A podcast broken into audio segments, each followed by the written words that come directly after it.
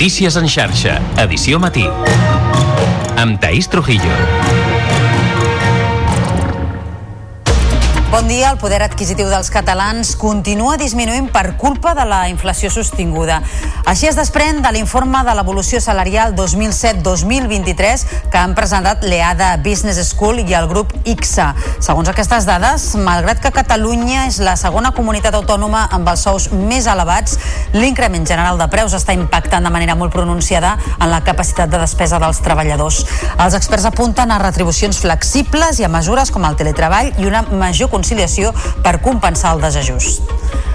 Així encapçalem el Notícies en xarxa d'aquest dijous 25 de gener i al punt de les 8 del matí repassem també altres titulars. El sector dels espais verds reclama al govern mantenir el ric de supervivència als jardins públics i privats quan Catalunya entri en emergència per sequera. Aquest extrem no està previst pel decret i una vintena d'entitats alerten en un manifest de les conseqüències de no mantenir aquest ús. Les obres per soterrar les vies de la R2 a Montcada i Reixà començaran dilluns vinent. Arrenca així una de les reivindicacions històriques del municipi dels darrers 40 anys. Els treballs duraran 7 anys amb un cost total de gairebé 600 milions d'euros. Salut investiga si el cap de Ripoll no ha atès a urgències almenys 5 famílies sense empadronar. Ho fa arran d'algunes informacions que apunten en aquest sentit a la ciutat governada per l'alcaldessa d'ultradreta Sílvia Oriols. 7 de cada 10 dones tenen por de patir una agressió sexual quan van caminant soles pel carrer de nit. És una de les principals conclusions de la tercera onada de l'enquesta Omnibus 2023 del Centre d'Estudis d'Opinió. I en esports, Barça i Girona s'han acomiadat de la Copa del Rei amb dues derrotes als quarts de final davant l'Atlètic Club i el Mallorca. Els blaugrana van cedir per 4-2 a la pròrroga quan dos gols dels germans Williams van decidir l'eliminatòria. I per altra banda, els blanquivermells van caure per 3-2 després d'haver encaixat tres dianes en el primer temps. I en cultura arriba a les llibreries Tres enigmes per la organització, la darrera novel·la d'Eduardo Mendoza. L'escriptor torna al gènere negre amb l'humor absurd que el caracteritza per construir una farsa protagonitzada per un grup d'agents secrets que es mouen per la Barcelona actual. I atenció, perquè hores d'ara continua tallada la circulació de trens a la R4 entre Terrassa Est i Sabadell Sud, una interrupció en tots dos sentits de la marxa i que, segons informa DIF, es deu a l'atropellament d'una persona que ha creuat en la via en un punt no autoritzat. I a Tarragona, els trens de Renfe fan per carretera el trajecte entre Tarragona, la Plana, Picamoixons i Tarragona-Portaventura per una manca de tensió elèctrica en algunes vies de l'estació de Tarragona. Això pel que fa al trànsit ferroviari, ara volem saber què és el que està passant a la xarxa viària catalana, per tant connectem amb el Servei Català de Trànsit i amb el Roger Serra. Molt bon dia.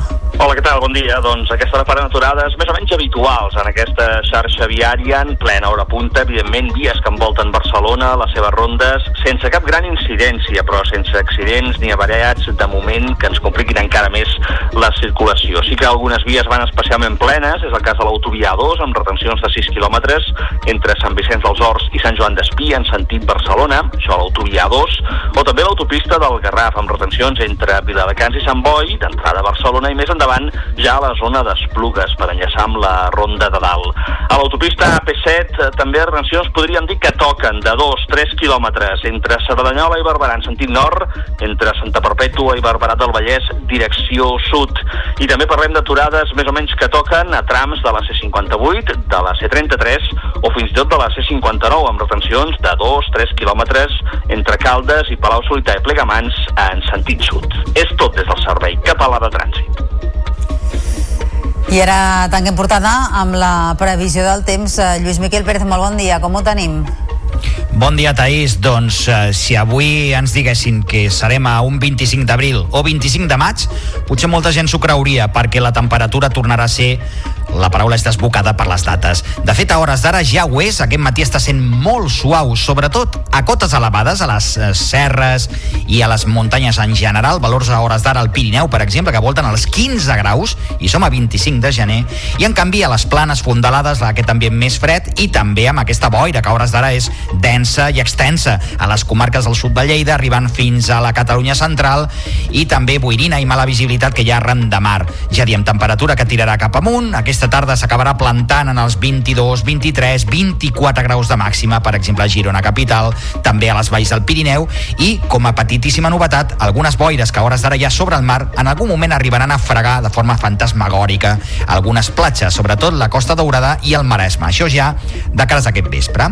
N'estarem pendents a la xarxa. Notícies en xarxa, edició matí.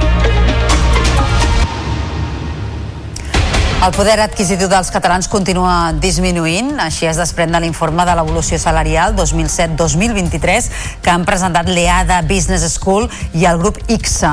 Les dades posen de manifest que, tot i que Catalunya se situa com la segona comunitat autònoma amb els salaris més alts per darrere de Madrid, l'augment és insuficient per compensar els estralls d'una inflació que és elevada i sostinguda. En tenen els detalls els companys de Vallès Visió. Tot i l'increment dels sous, la inflació ha provocat que el poder adquisitiu segueixi disminuint. Els experts indiquen que l'única forma sostenible és implementar models retributius flexibles amb components variables. Com una retribució variable, eh, uns components extrasalarials, components eh, més qualitatius com opció teletreball, conciliació o flexibilitat horària, que el que ens donarien és un model molt més creatiu innovador, més sostenible i més adaptable en un entorn en què cada vegada canvia més ràpid eh, i és més incert.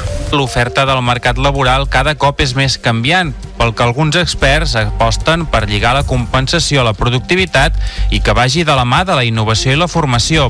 En molts casos aquests llocs de treball desapareixen o desapareixen canviant amb un percentatge molt gran, amb la qual hem de parlar del reskilling, però també hem de parlar de les mateixes persones treballant en feines diferents. En definitiva, ara hem de considerar que una persona al llarg de la seva carrera professional haurà de fer uns quants canvis professionals d'una intensitat eh, suficient per poder seguir el ritme dels canvis empresarials.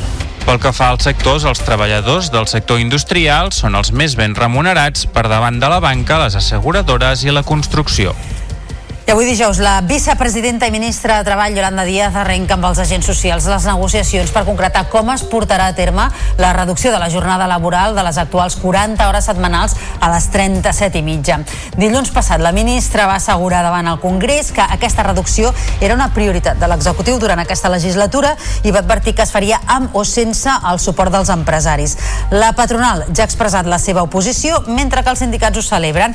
Núria Gilgado, secretària de Política Sindical de la UGT, creu que ja tocava reduir la jornada laboral després de 40 anys d'immobilisme és una mesura més que necessària per eh, la vida, eh, perquè hem de tenir més temps eh, per poder gaudir de, de la família, del temps eh, personal, de lo que cadascú vulgui elegir fora de la seva jornada laboral i també és una qüestió essencial per la seguretat i la salut de les persones treballadores. Hem de tenir en compte que augmenten de manera substancial les enfermetats relacionades amb la salut mental eh, i això té molt a veure amb jornades laborals doncs, que són molt llargues. I la Sindicatura de Comptes ha alertat el Servei d'Ocupació de Catalunya del risc de perdre fons per la manca de capacitat per absorbir i gestionar els recursos públics que rep. En un informe, la Sindicatura veu marge de millora en el sistema de subvencions que gestiona l'organisme, que creu que ha de ser més àgil i eficient. El text assenyala problemes al SOC en la gestió de determinats programes i denuncia que dels 760 milions de pressupost del 2021 se'n van liquidar només 355.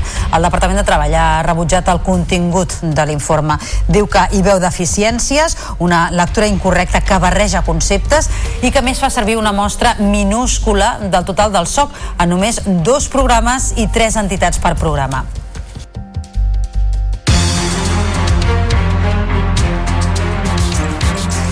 Passen ara 9 minuts de les 8 del matí. Obrim plana política per explicar que l'oposició qualifica la remodelació del govern de partidista i electoralista i acusen el president Pere Aragonès d'estar preparant la seva campanya electoral des de l'executiu. Ens ho explica la Mont Carvajal.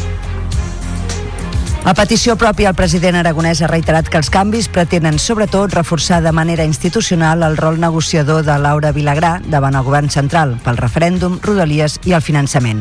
Tots els partits de l'oposició han coincidit en la crítica. Són canvis fets en clau electoralista.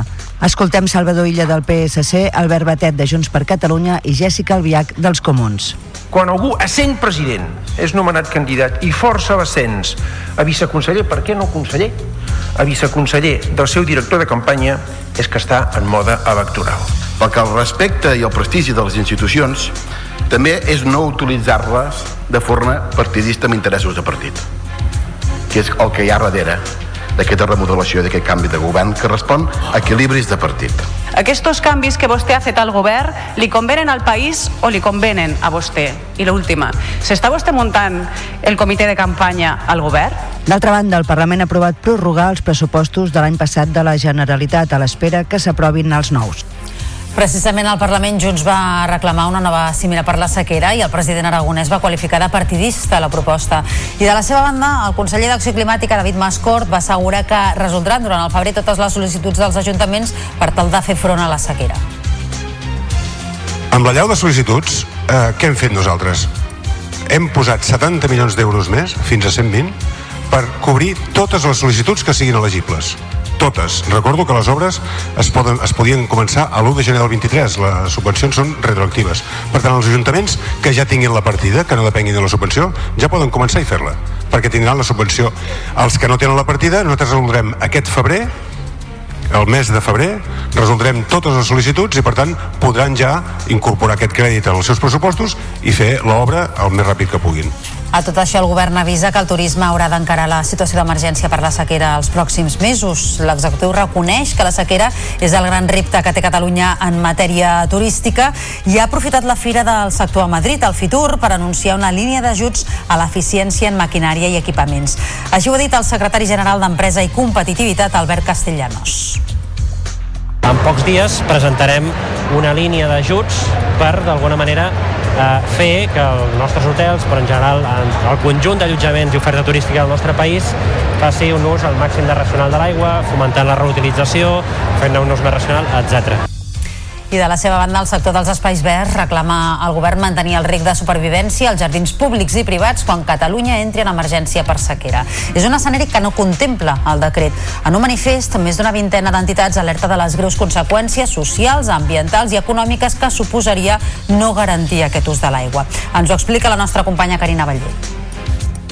El sector dels espais verds defensa que es pot mantenir el rec de supervivència limitat a arbrat i arbustos prioritaris, en cap cas a gespa, ja que aquest rec mínim suposa només un 2% del consum total d'aigua potable del país i, per contra, deixar morir les espècies naturals comportarà efectes nocius per la mitigació del canvi climàtic i sobre la salut de les persones. En el cas de que no es pugui garantir aquest ús de l'aigua i es perdi bona part de, de l'arbrat i de les arbustives i plantes que hi ha arreu del, del país, les conseqüències poden ser molt pitjors que el que es pugui guanyar amb, amb l'aigua que es pugui estalviar. El que exigim és que sent un sector que ha fet els deures se li permeti mantenir aquests mínims de supervivència i que d'una vegada s'agafi el tema de la sequera i de l'aigua en sèrio i es gestioni amb valentia política.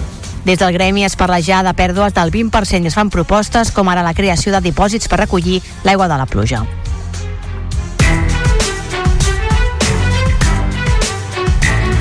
Després de 40 anys de demandes, les obres de soterrament de les vies de la línia R2 a Montcada i Reixac començaran oficialment el pròxim dilluns 29. Tindran una durada prevista de 7 anys i un cost total de gairebé 600 milions d'euros. Ens ho explica la Judit Monton des de Televisió de Sabadell. En un acte obert a la ciutadania, s'ha anunciat que els treballs començaran al barri de la Ribera el proper dilluns, on es faran les primeres cates. Esta es la primera fase de unas obras difíciles, largas y costosas, pero que al final se habrá conseguido con el objetivo de la cohesión social y territorial de Moncada Resac. Por ello pido comprensión, paciencia y más que nunca pido a los vecinos y vecinas precaución, ya que el tráfico de trenes y los pasos a nivel seguirán en funcionamiento. D'altra banda, l'Ajuntament crearà l'Oficina Municipal del Soterrament per fer seguiment de les obres, amb la participació tant dels grups polítics representats al ple com d'entitats i associacions a la ciutat, amb l'objectiu de donar resposta a les preocupacions dels veïns i que també serveixi com a canal directe de comunicació. Durant l'acte també s'ha volgut recordar les 180 persones que han perdut la vida en els darrers anys en els passos de nivell entre vies. Fer realitat una reivindicació ciutadana que s'ha mantingut durant el temps i que ha costat 180 vides. Gràcies i mil gràcies per la feina feta a la taula del soterrament. En total s'invertiran 540 milions d'euros, als quals s'hi han d'afegir uns 30 més per les obres d'adequació de l'estació de Montcada Bifurcació. Novetats en les obres de desdoblament de la línia R3 de Rodalies. La circulació es recuperarà el pròxim diumenge 4 de febrer, encara que els treballs no han acabat. El passat mes d'octubre va començar el tall per fer una sèrie d'actuacions que han de permetre aplanar el terreny per fer el desdoblament real de la línia. Així, entre Parets i la Garriga s'ha millorat eh, passos de via, s'ha renovat l'electrificació i d'altres elements de seguretat. Tot plegat té un import de 155 milions d'euros i permetrà incrementar la capacitat de trens que circulen en aquests eh, trams. I el Departament de Salut investiga si el cap de Ripoll no ha atès a urgències almenys 5 famílies sense empadronar arran d'algunes informacions publicades segons les quals se'ls havia negat l'atenció a l'ambulatori de la ciutat governada per l'alcaldessa d'ultradreta Sílvia Oriols s'ha fet un requeriment als centres del Ripollès de garantir els drets bàsics a tothom. En el cas de l'atenció no urgent, recorda que hi ha un conveni amb la Creu Roja en virtut del qual si l'entitat determina que una persona és vulnerable, Salut li expedeix la targeta sanitària.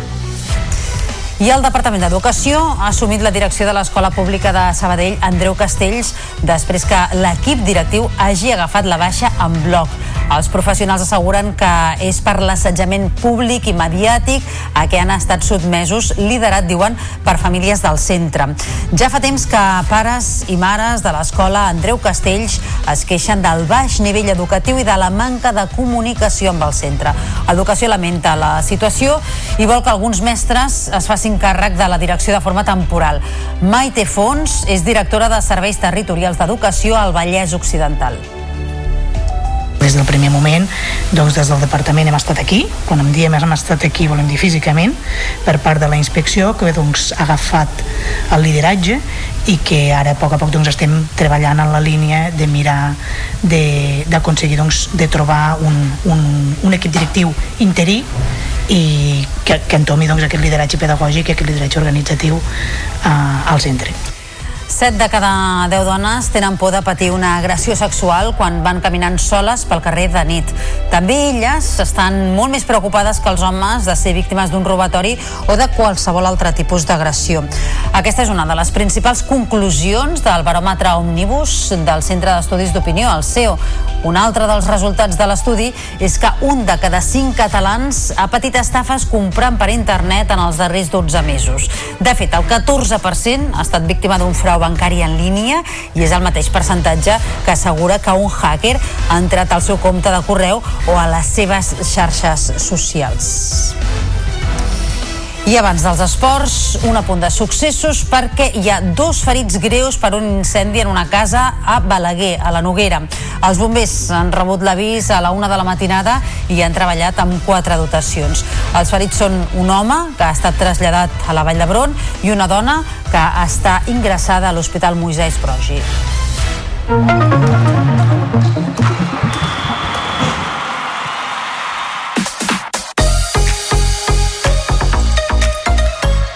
Barça i Girona s'han acomiadat de la Copa del Rei amb dues eh, derrotes als quarts de final davant l'Atlètic Club i el Mallorca. Els Blaugrana van cedir per 4-2 a la pròrroga quan dos gols dels germans Williams van decidir l'eliminatòria. Abans els bascos s'havien avançat en el primer minut de joc, però Lewandowski i la Yamal van capgirar l'eliminatòria abans del descans. A la represa, la Diana de Sant Set va tornar a empatar dos i va forçar el temps extra. Xavi feia balanç de l'eliminació decepció, perquè perds perds i de la manera que perds doncs de la pròrroga al final i crec que l'Atlètic també s'ha merescut passar però sento per l'altra banda doncs sento orgull sento orgull perquè aquests jugadors eh, ho estan fent molt bé els joves, vull dir, eh? i hem competit, ho hem intentat, hem tingut el partit al final amb una ocasió, dues ocasions molt clares de, de la Min i és una pena, és una pena perquè hem tingut el partit bé, el Girona va pagar cara una mala primera part a Son Moix, en què va encaixar un 3 a 0. En el segon temps, Estuani va retallar diferències i Savinho en el tram final va fer el gol de l'esperança. El marcador, però, ja no es va moure i els blanc i vermells no van poder millorar el seu registre a la competició. Michel admetia que la derrota els deixa tocats. Dolorosa, hoy estaremos eh, pues con ese ánimo un poco más bajo, pero, pero bueno, hay que levantarse y pensar que desde la humildad somos un equipo que trabaja bien, que hace muchas cosas bien y, y que seguiremos compitiendo por, por estar arriba en la clasificación en la liga, que es el único camino que tenemos para llegar a Europa a partir de ahora. El Barça buscarà avui certificar la primera plaça de grup a la Champions femenina. Rep l'Eintracht de Frankfurt a les 9 al Johan Cruyff. Les blaugrana necessiten un punt per segellar la primera posició. Davant tindran un conjunt alemany a qui ja van guanyar a domicili per un gol a 3. Jonathan Giraldez no podrà comptar amb la llarga llista de lesionades. Paños, Mapi, Alexia, Jana i Rolfo. En els darrers dies, dos noms s'han sumat a les travesses per substituir el tècnic a la banqueta. Són els ajudants Rafael Navarro i Pere Romeu. El tècnic i Patrick Guijarro han parlat sobre aquestes especulacions. És una pena que surtin aquestes coses, eh, perquè moltes vegades es perd la, la gràcia no? del, del projecte o de la decisió i de la, i de la notícia, però realment ja estic acostumat. Los dos, al igual que ven, estaba Jonah también eh, anteriormente segundo entrenador, eh, vienen de la casa, entonces eh, independientemente si ellos son ellos dos o de fuera, eh, sé que el club eh, elegirá bien. Quatre equips catalans tenen avui cita amb la Lliga Campions d'Hockey Patins. En el grup B el Calafell rebrà l'Sporting de Portugal, mentre que l'equip reusenc que juga a seguir viu a la competició davant el Benfica. També podria perdre les opcions a la competició el Finques Prats Lleida, que juga a les 8 a la pista del Porto. Ens apropa la prèvia des de Lleida TV, l'Aleix Vergés. Tercer partit aquesta temporada entre Porto i Finques Prat Lleida. Un empat i una derrota per als d'Edu Amat a Lleida, ja que en aquesta ocasió el duel es trasllada fins a Portugal. En una setmana important perquè els lleidatans volen seguir vius a la Champions i sobretot també sumar a la Lliga. Anem a competir a Porto, anem amb els 3 punts al cap. L'objectiu sempre hem dit que quan sortim a Champions és aquest. Evidentment sabem a la pista que anem, sabem contra l'equip al que juguem i sabem de la, de la dificultat que hi ha. Crec que a casa seu són un equip diferent, molt més molt més ofensiu, molt més atrevit, llavors intentarem aprofitar aquestes circumstàncies, intentar eh, que les accions de partit eh, que aquí van fallar, pues, corregir-los i a veure si els hi poguéssim fer mal. Porto i Tricino són líders del grup amb 6 punts. El Tomar és tercer amb 4 i el Finques Prat Lleida és el QE amb un punt. Se pot certificar la classificació per als quarts de final si guanya la pista del Barcelos. Els Blaugrana, invictes a Europa, ja van superar el conjunt portuguès en la tercera jornada i un nou triomf els asseguraria la classificació quan falten dos partits per al final de la Lligueta. I els atletes Pol Macuri i Albert Jorquera han fet història després de finalitzar l'Oman Desert Marathon, una prova de 165 quilòmetres en autosuficiència. Macuri, que va participar als darrers Jocs Paralímpics a Tòquio fa 3 anys, és la primera persona amb diversitat funcional que completa la prova. El tàndem ha acabat tercer a la competició per equips amb un total de 35 hores i 10 minuts de cursa. Macuri destaca l'alta exigència que ha hagut de superar.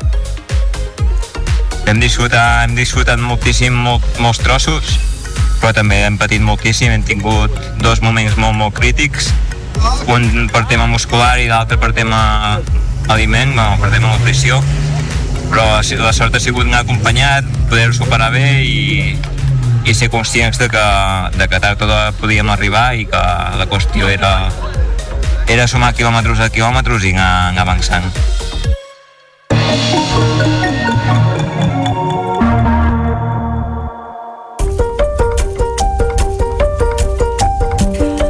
És a les llibreries Tres enigmes para la organización, la darrera novel·la d'Eduardo Mendoza.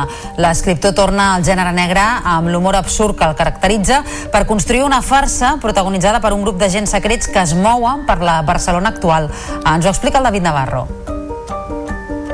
Eduardo Mendoza havia decidit no tornar a fer una novel·la, però una vegada fet l'anunci, ha confessat, es va donar que no sabia què fer i es va posar a escriure.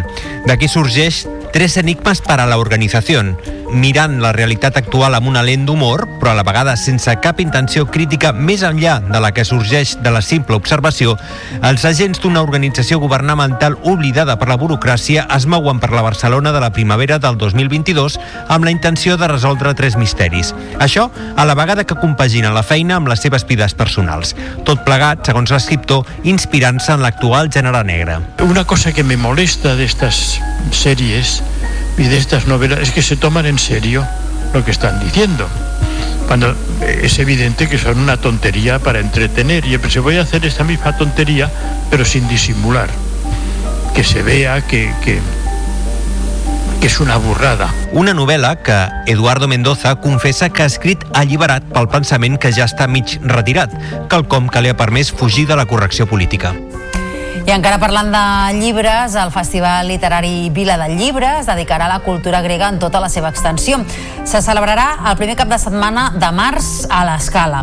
L'Abel Font, de Canal 10 Empordà, ens n'explica els detalls.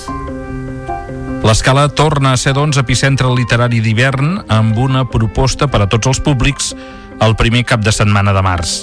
En referència al programa, el director de la xarxa de Viles del Llibre, Enric Bono, ha deixat clar que amb aquesta edició s'enceta un nou cicle es dedica a les cultures històriques que han deixat petja a l'escala i a Catalunya. La Vila del Llibre busca això, aquesta, aquesta barreja, diguem, de públic popular en públic, diguem, que ens parla de coses que normalment no llegim o no anem a conferències, però que és una oportunitat també per poder tenir aquest coneixement. No?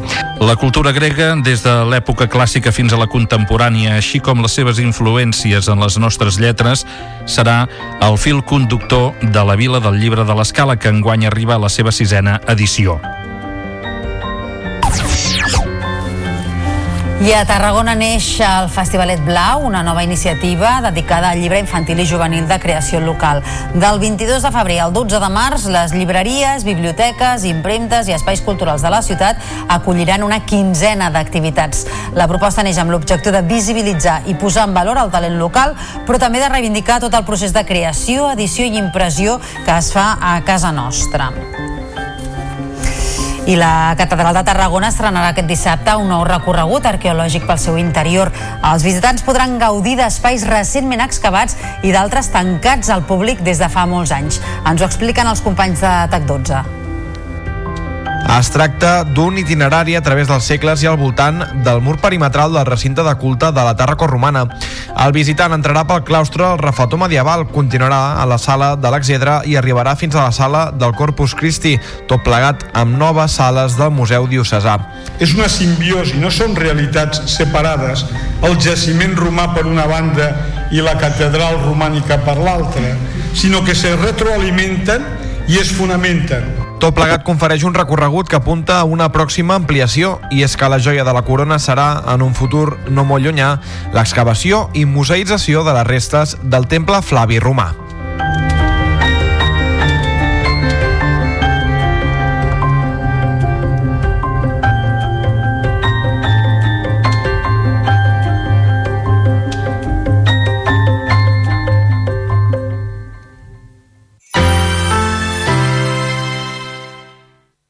La xarxa de comunicació local.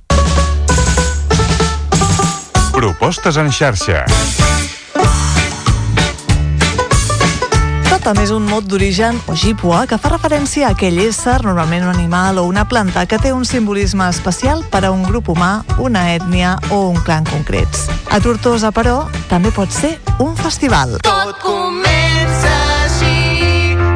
Tortosa Teatre Musical. Són les tres paraules que donen nom al Festival de Teatre Musical de les Terres de l'Ebre, el Tòtem. La cita arriba a la segona edició amb 5 dies de propostes pensades per a tots els públics. Entre el 31 de gener i el 4 de febrer descobrireu històries a través de la paraula, la dansa i la cançó. Teniu, per exemple, tres oportunitats per deixar-vos seduir per un clàssic, El petit príncep, i viatjar tant pel desert com per les estrelles. També podeu demanar tres desitjos, la història d'una jove parella de Barcelona que queda trasbalsada per un diagnòstic. Les veus polivalents del cor de cambra Tirit Chae us faran viatjar pels musicals de tota la vida, Somriures i llàgrimes, El fantasma de l'òpera o West Side Story. I si sou més a The Full Monty, també hi podeu veure la història d'aquests cinc treballadors siderúrgics que estan a l'atur. A més a més, l'organització ha preparat Club de Gala 2.0, un recorregut pels èxits musicals més escoltats de tots els temps. Del 31 de gener al 4 de febrer, Tortosa acull la segona edició del Tòtem, el Festival de Teatre Musical de les Terres de l'Ebre. En trobareu tota la informació a www.lacompanyia.cat barra Tòtem.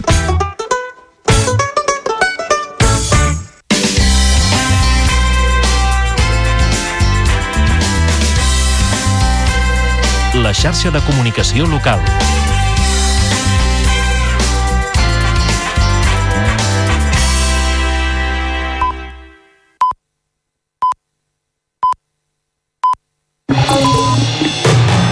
Notícies en xarxa, edició matí. Amb Taís Trujillo. Bon dia, són dos quarts de nou del matí i avui al Notícies en xarxa us estem explicant que el poder adquisitiu dels catalans continua disminuint per culpa de la inflació sostinguda. Així es desprèn de l'informe de l'evolució salarial 2007-2023 que han presentat l'EADA Business School i el grup ICSA. Segons aquestes dades, malgrat que Catalunya és la segona comunitat autònoma amb els sous més elevats, l'increment general de preus està impactant de manera molt pronunciada en la capacitat de despesa dels treballadors. Els experts apunten a retribucions flexibles i mesures com el teletreball i una major conciliació per tal de compensar el desajust. També us estem explicant que el sector dels espais verds reclama al govern mantenir el ric de supervivència als jardins públics i privats quan Catalunya entri en emergència per sequera. Aquest extrem no està previst pel decret i una vintena d'entitats alerten en un manifest de les conseqüències de no mantenir aquest ús. I enmig d'aquesta situació de sequera, avui arrenca la tercera edició del Congrés Nacional d'Educació Ambiental. En parlarem d'aquí a uns minuts amb Joan Manel Riera, que és membre de la Societat Catalana d'Educació Ambiental.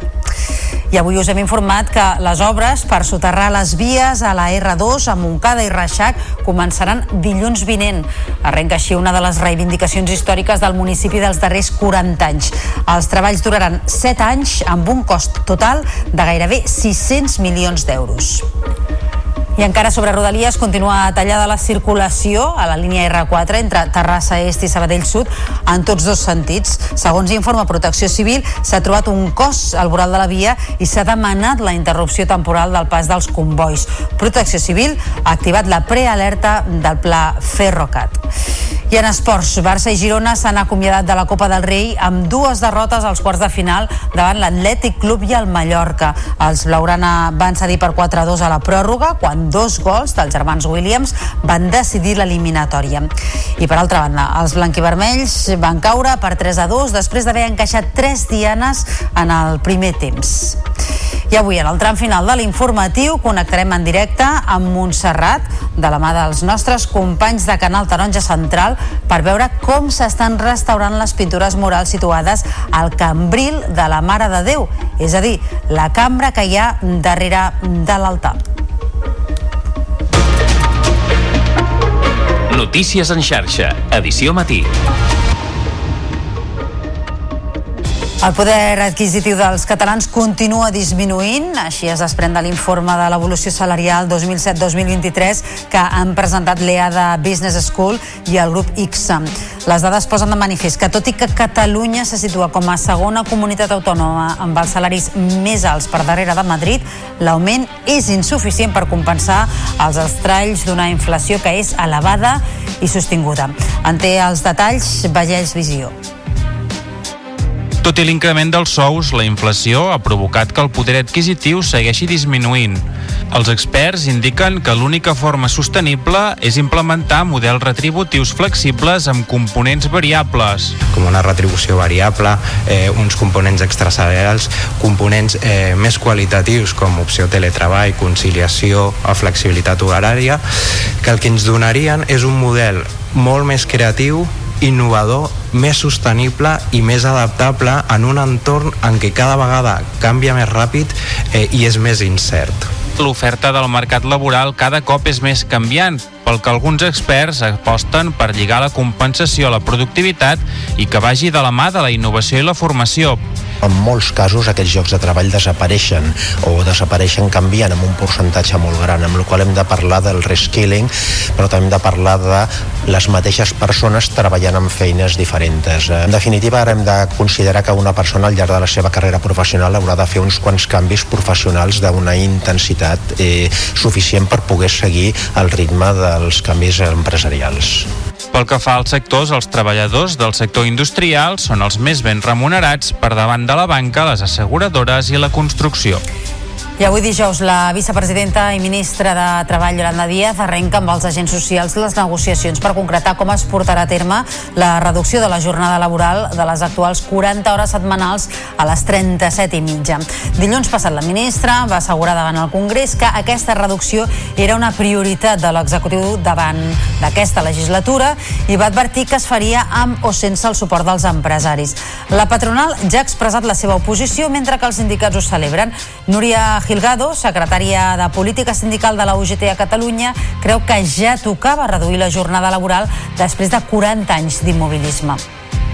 És una mesura més que necessària per eh, la vida, perquè hem de tenir més temps eh, per poder gaudir de, de la família, del temps eh, personal, de lo que cadascú vulgui elegir fora de la seva jornada laboral i també és una qüestió essencial per la seguretat i la salut de les persones treballadores. Hem de tenir en compte que augmenten de manera substancial les enfermetats relacionades amb la salut mental eh, i això té molt a veure amb jornades laborals doncs, que són molt llargues Passen ara 5 minuts de dos quarts de nou del matí obrim plana política perquè l'oposició qualifica la remodelació del govern de partidista i electoralista i acusen el president Pere Aragonès d'estar preparant la seva campanya electoral des de l'executiu. Ens ho explica la Mont Carvajal.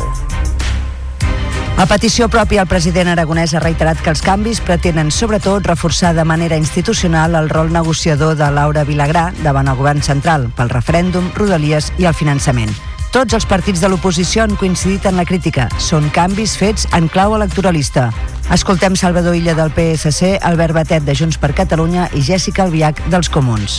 Quan algú, essent president, és nomenat candidat i força l'ascens a viceconseller, per què no conseller?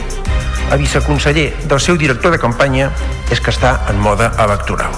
Perquè el respecte i el prestigi de les institucions també és no utilitzar-les de forma partidista amb interessos de partit que és el que hi ha darrere d'aquesta remodelació, d'aquest canvi de govern que respon a equilibris de partit. Aquests canvis que vostè ha fet al govern li convenen al país o li convenen a vostè? I l'última, s'està vostè muntant el comitè de campanya al govern? D'altra banda, el Parlament ha aprovat prorrogar els pressupostos de l'any passat de la Generalitat a l'espera que s'aprovin els nous. Precisament al Parlament Junts va reclamar una nova cimera per la sequera i el president aragonès va qualificar de partidista la proposta. I de la seva banda, el conseller d'Acció Climàtica, David Mascort, va assegurar que es resoldran durant el febrer totes les sol·licituds dels ajuntaments per fer front a la sequera. Amb la llau de sol·licituds, eh, què hem fet nosaltres? Hem posat 70 milions d'euros més, fins a 120, per cobrir totes les sol·licituds que siguin elegibles totes. Recordo que les obres es, poden, es podien començar a l'1 de gener del 23. Les subvencions són retroactives. Per tant, els ajuntaments que ja tinguin la partida, que no depenguin de la subvenció, ja poden començar i fer-la, perquè tindran la subvenció. Els que no tenen la partida, nosaltres resoldrem aquest febrer el mes de febrer resoldrem totes les sol·licituds i per tant podran ja incorporar aquest crèdit els seus pressupostos i fer l'obra el més ràpid que puguin.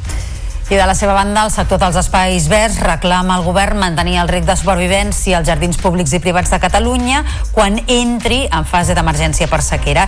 És un escenari que no contempla el decret. En un manifest, més d'una vintena d'entitats alerta de les greus conseqüències socials, ambientals i econòmiques que suposaria no garantir aquest ús de l'aigua. Ens ho explica la Carina Vallvé. El sector dels espais verds defensa que es pot mantenir el rec de supervivència limitat a arbrat i arbustos prioritaris, en cap cas a gespa, ja que aquest rec mínim suposa només un 2% del consum total d'aigua potable del país i, per contra, deixar morir les espècies naturals comportarà efectes nocius per la mitigació del canvi climàtic i sobre la salut de les persones. En el cas de que no es pugui garantir aquest ús de l'aigua i es perdi bona part de, de l'arbrat i de les arbustives i plantes que hi ha arreu del, del país, les conseqüències poden ser mm, molt pitjors que el que es pugui guanyar amb, amb l'aigua que es pugui estalviar. El que exigim és que sent un sector que ha fet els deures se li permeti mantenir aquests mínims de supervivència i que d'una vegada s'agafi el tema de la sequera i de l'aigua en sèrio i es gestioni amb valentia política. Des del gremi es parla ja de pèrdues del 20% i es fan propostes com ara la creació de dipòsits per recollir l'aigua de la pluja. I enmig eh, d'aquesta situació de sequera, avui arrenca la tercera edició del Congrés Nacional d'Educació Ambiental. Es farà a la Facultat de Geografia i Història de la Universitat de Barcelona i en aquesta ocasió ha aconseguit una xifra rècord de participants i de comunicacions reunint tots els agents implicats en l'educació ambiental al territori català. En parlem amb Joan Manel Riera, que és el membre de la Societat Catalana d'Educació Ambiental, que és una de les entitats que organitzen aquesta trobada. Joan Manel, molt bon dia. Bon dia i bona hora. La bona resposta i inscripció en aquest congrés té a veure amb el moment delicat que estem vivint des del punt de vista del medi ambient? Probablement no. El que passa és que amb el nostre país tenim un bon múscul d'entitats de, i d'educadors ambientals i alhora tenim en aquests moments, des de fa uns quants anys, una bona sintonia institucional entre tots plegats, de tal manera que aquest congrés reuneix, d'una banda, i és un bon punt de reunió de diferents institucions, les diputacions, la Generalitat, l'àrea metropolitana de Barcelona, eh, els ajuntaments importants, eh, les universitats, els educadors ambientals, i aquest és el tercer, diguéssim, no? i segueix potent. Quins objectius us marqueu en aquesta tercera edició del Congrés? Enguany ens plantegem com a lema el, el construir comunitats cap a la justícia ecosocial, diguéssim, i va lligat amb, amb els principis bàsics de l'educació ambiental que eh, si no anem tots junts, diguéssim, no aconseguirem, diguéssim, un, una bona vida no? al planeta no? i aquest és l'objectiu principal l'altre i, i, que és el de tots els congressos és que intercanviar eh? conèixer les experiències de tothom perquè és com ens enriquim i com avancem Dèiem abans eh, que estem en aquesta situació de, de sequera quin paper està jugant l'educació ambiental en tot plegat com està ajudant o contribuint a, a pal·liar en certa manera en la mesura del que sigui possible aquesta sequera i les seves conseqüències no hem d'oblidar que l'educació ambiental és educació i per tant eh, eh, treballem a, a, a llarg termini, eh, a mig termini, treballem sobre un sistema de valors que eh, eh, es, es, es doni lloc a unes actituds, a unes conductes que siguin favorables de la relació de les persones amb el medi. Per tant, no mirem a curt plaç, d'acord? Tot i això, doncs, a la situació de la sequera o altres elements que eh, la, la, la gran part de la població percep com uns elements eh, que els posen en una gran vulnerabilitat, el que fa és eh, conscienciar adequadament perquè els valors, diguéssim, del bé comú eh, puguin, puguem treballar sobre ells però aquesta conscienciació cada vegada més extesa um, no és suficient, no? És a dir, per molt que les persones individualment uh, tinguin molt clar què s'hauria de fer o com s'hauria de fer o què s'hauria d'evitar, si no hi ha voluntat política i si no uh, tot es posa a favor de fer aquestes conductes uh, més respectuoses amb el medi ambient, no hi ha res a fer hi ha una paradoxa i és que d'una banda ha crescut la emocionalitat de, de, la, de la percepció i de la relació de les persones amb el medi això ho veiem fins i tot amb, amb la, com es propugnen les noves lleis vinculades no? com la llei de benestar animal no? que és una llei molt sortida de l'emocionalitat i, i, i probablement massa poc de la racionalitat no? però ha crescut l'emocionalitat, ha crescut la percepció de que tenim un problema i que el món s'acaba, no? però per contra tenim uns elements a la contra que és que el bagatge, el coneixement racional de com funcionen els sistemes i les relacions de les persones amb el medi no ha crescut suficientment. No? De la mateixa manera que hi ha una preponderància dels valors individuals sobre els col·lectius i necessàriament per una bona relació de la humanitat amb el medi requerim d'aquest increment de la, de la, dels valors col·lectius. I aquesta és la nostra feina. Doncs eh, que vagi molt bé aquest congrés que arrenca avui, que dura tres dies i que segurament en podrem fer balanç a posteriori. Joan Manel Riera, membre de la Societat Catalana d'Educació Ambiental, moltíssimes gràcies per haver atès avui el Notícies en xarxa. Molt bon dia. Moltes gràcies i que parleu al màxim. Gràcies. Notícies en xarxa. Informació al detall.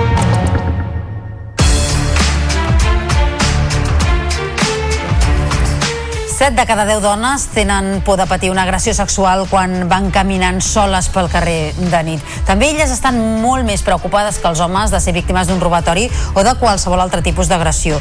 És una de les principals conclusions del baròmetre Òmnibus del Centre d'Estudis d'Opinió, el CEO.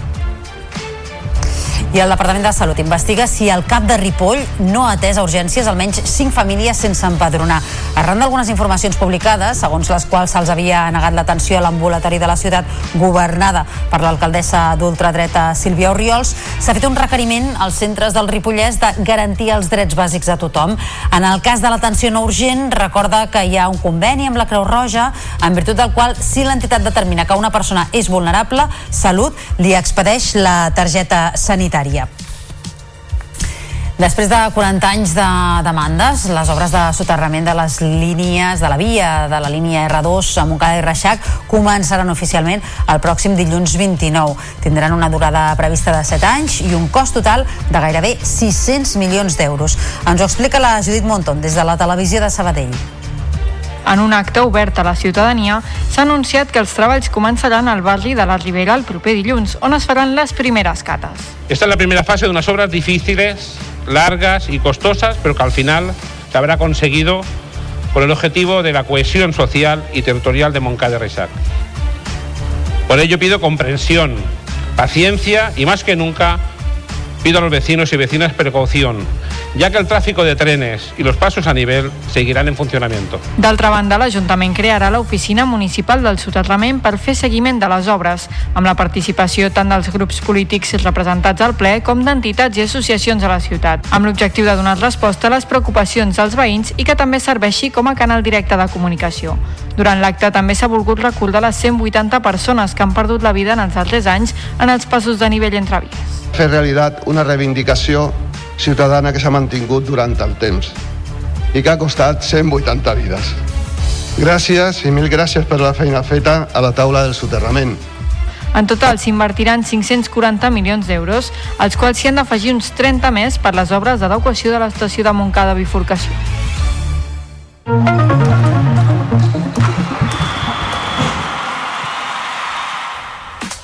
Són ara tres quarts de nou del matí. Repassem tota l'actualitat esportiva. Marta Casas, molt bon dia.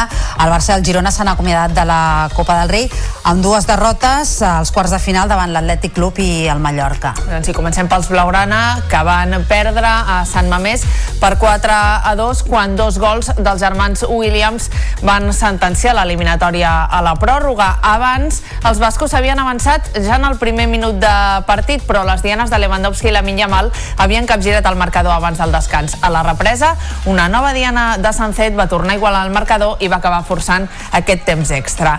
Xavi Hernández feia balanç de l'eliminació. Decepció, perquè perds perds i de la manera que perds doncs a la pròrroga al final i crec que l'Atlètic també s'ha merescut passar però sento per l'altra banda doncs sento orgull sento orgull perquè aquests jugadors eh, ho estan fent molt bé els joves, vull dir, eh? i hem competit, ho hem intentat, hem tingut el partit al final, amb una ocasió, dues ocasions molt clares de, de la Min, i és una pena, és una pena perquè hem tingut el partit bé. I el Girona va pagar cara una mala primera part a Son Moix, en què va encaixar un 3 a 0. En el segon temps, Estuani va retallar diferències i Savinho, en el tram final, va fer el gol de l'esperança. El marcador, però, ja no es va tornar a moure i els blanquivermells no van poder millorar el seu registre a la competició. Mitchell admetia que la derrota els deixa tocats. dolorosa. Hoy estaremos eh, pues con ese ánimo un poco más bajo, pero, pero bueno, hay que levantarse y pensar que desde la humildad somos un equipo que trabaja bien, que hace muchas cosas bien y, y que seguiremos compitiendo por, por estar arriba en la clasificación en la liga, que es el único camino que tenemos para llegar a Europa a partir de ahora. I el Barça buscarà avui certificar la primera plaça de grup a la Champions femenina. Rep l'Eintracht de Frankfurt a partir de les 9 al Johan Cruyff. Les blaugrana necessiten només un punt per segellar aquesta primera posició. Davant tindran un conjunt alemany a qui ja van guanyar a domicili per un gol a 3. Jonathan Giraldez no podrà comptar amb la llarga llista de lesionades. Paños, Mapi, Alexia, Jana i Rolfo. En els darrers dies, dos noms s'han sumat a les traveses per substituir el tècnic a la banqueta. Són els ajudants Rafael Navarro i Pere Romeu. El tècnic i Patrick Guijarro han parlat sobre aquestes especulacions és una pena que surtin aquestes coses eh, perquè moltes vegades es perd la, la gràcia no? del, del projecte o de la decisió i de la, i de la notícia, però realment ja estic acostumat. Los dos, al igual que ven, estaba Jonah también eh, anteriormente segundo entrenador, eh, vienen de la casa, entonces eh, independientemente si son ellos dos o de fuera, eh, sé que el club eh, elegirá bien. I quatre equips catalans tenen avui cita amb la Lliga de Campions d'hoquei patins. Són el Calafell, el Reus, el Lleida i el Barça. En el grup B, el Calafell rebrà l'Sporting de Portugal, mentre que l'equip reusenc jugarà a seguir viu a la competició davant el Benfica. Només li serveix la victòria. Més dades des de Canal Reus Televisió. Joel Gomis. Guanyar o guanyar. Els de Jordi Garcia reben el Benfica amb el difícil repte de superar el conjunt Lisboeta, que es va imposar els ganxets en el partit jugat a Portugal ara fa 15 dies per 4-2. Una victòria ganxeta permetria que els reusencs tinguessin opcions de continuar vius a la màxima competició continental, mentre que una derrota deixaria el Reus sense opcions de jugar als quarts de final. Els roig-i-negres arriben a la cita amb l'objectiu de consolidar la bona imatge que ja es va mostrar contra els portuguesos a Lisboa i de convertir les bones sensacions en tres punts importants. El Reus Benfica es jugarà aquesta nit a partir de les 9 i comptarà amb l'arbitratge dels francesos Nuno Melo i Loïc Clement. També podria perdre les opcions a la competició al Finques Prats Lleida, que juga a les 8 a la pista del Porto. Tots dos equips s'han enfrontat dos cops aquest curs amb derrota i empat per als lleidatans. Si els d'Edu Amat perden aquest vespre i el Tricino italià guanya al Tomar, l'equip català perdrà les possibilitats a la competició. El tècnic explica com afronten el partit. Anem a competir a Porto, anem amb els 3 punts al cap, l'objectiu sempre hem dit que quan sortim a Champions és aquest, evidentment sabem a la pista que anem, sabem contra l'equip al que juguem i sabem de la, de la dificultat que hi ha. Crec que a casa seu són un equip diferent, molt més molt més ofensiu, molt més atrevit, llavors intentarem aprofitar aquestes circumstàncies, intentar eh, que les accions de partit eh, que aquí van fallar, pues, corregir-los el Barça pot certificar la classificació per als quarts de final si guanya a la pista del Barcelós.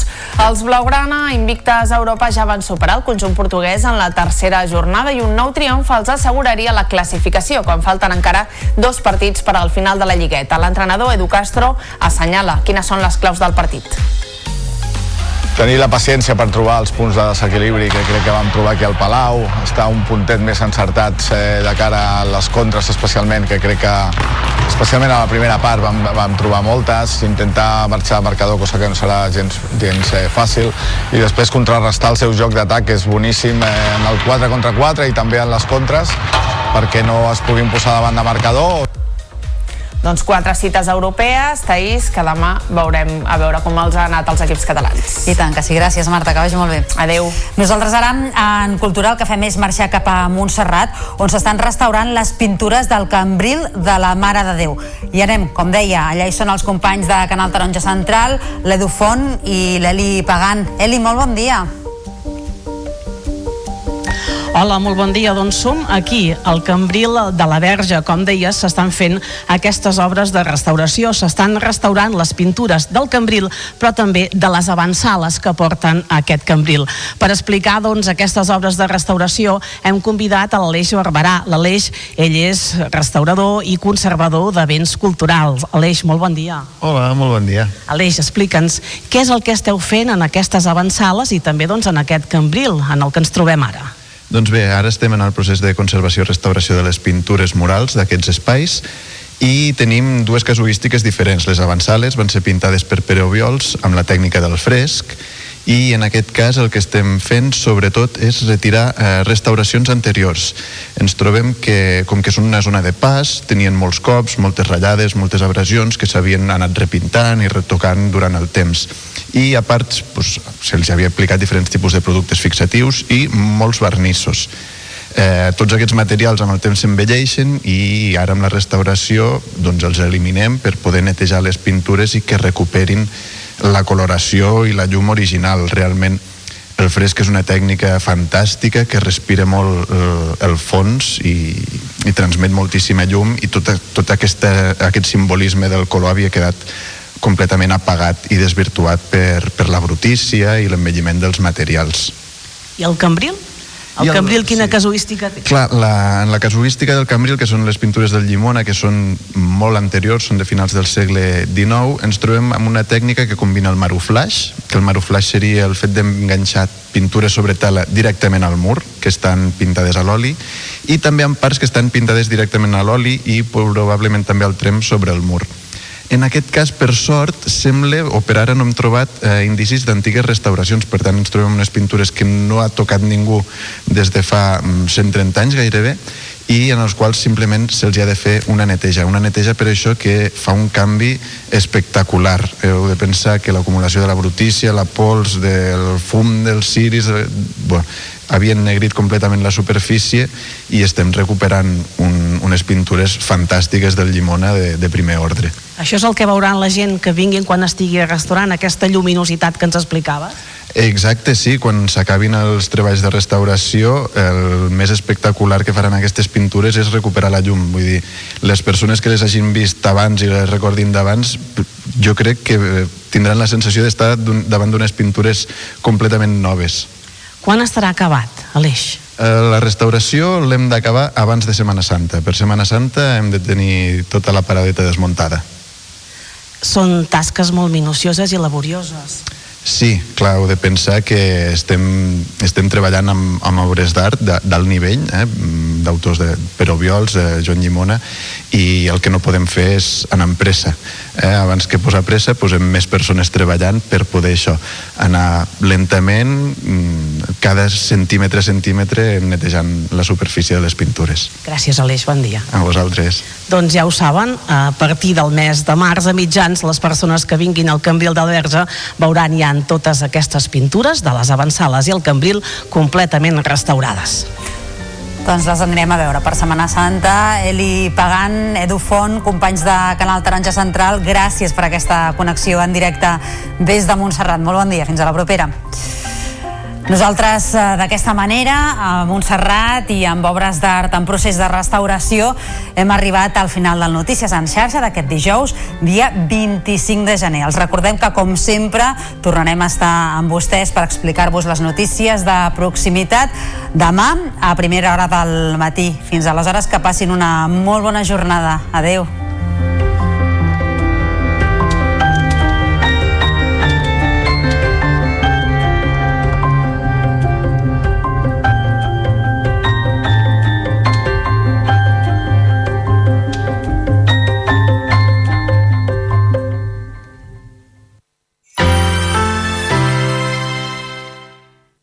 La xarxa de comunicació local.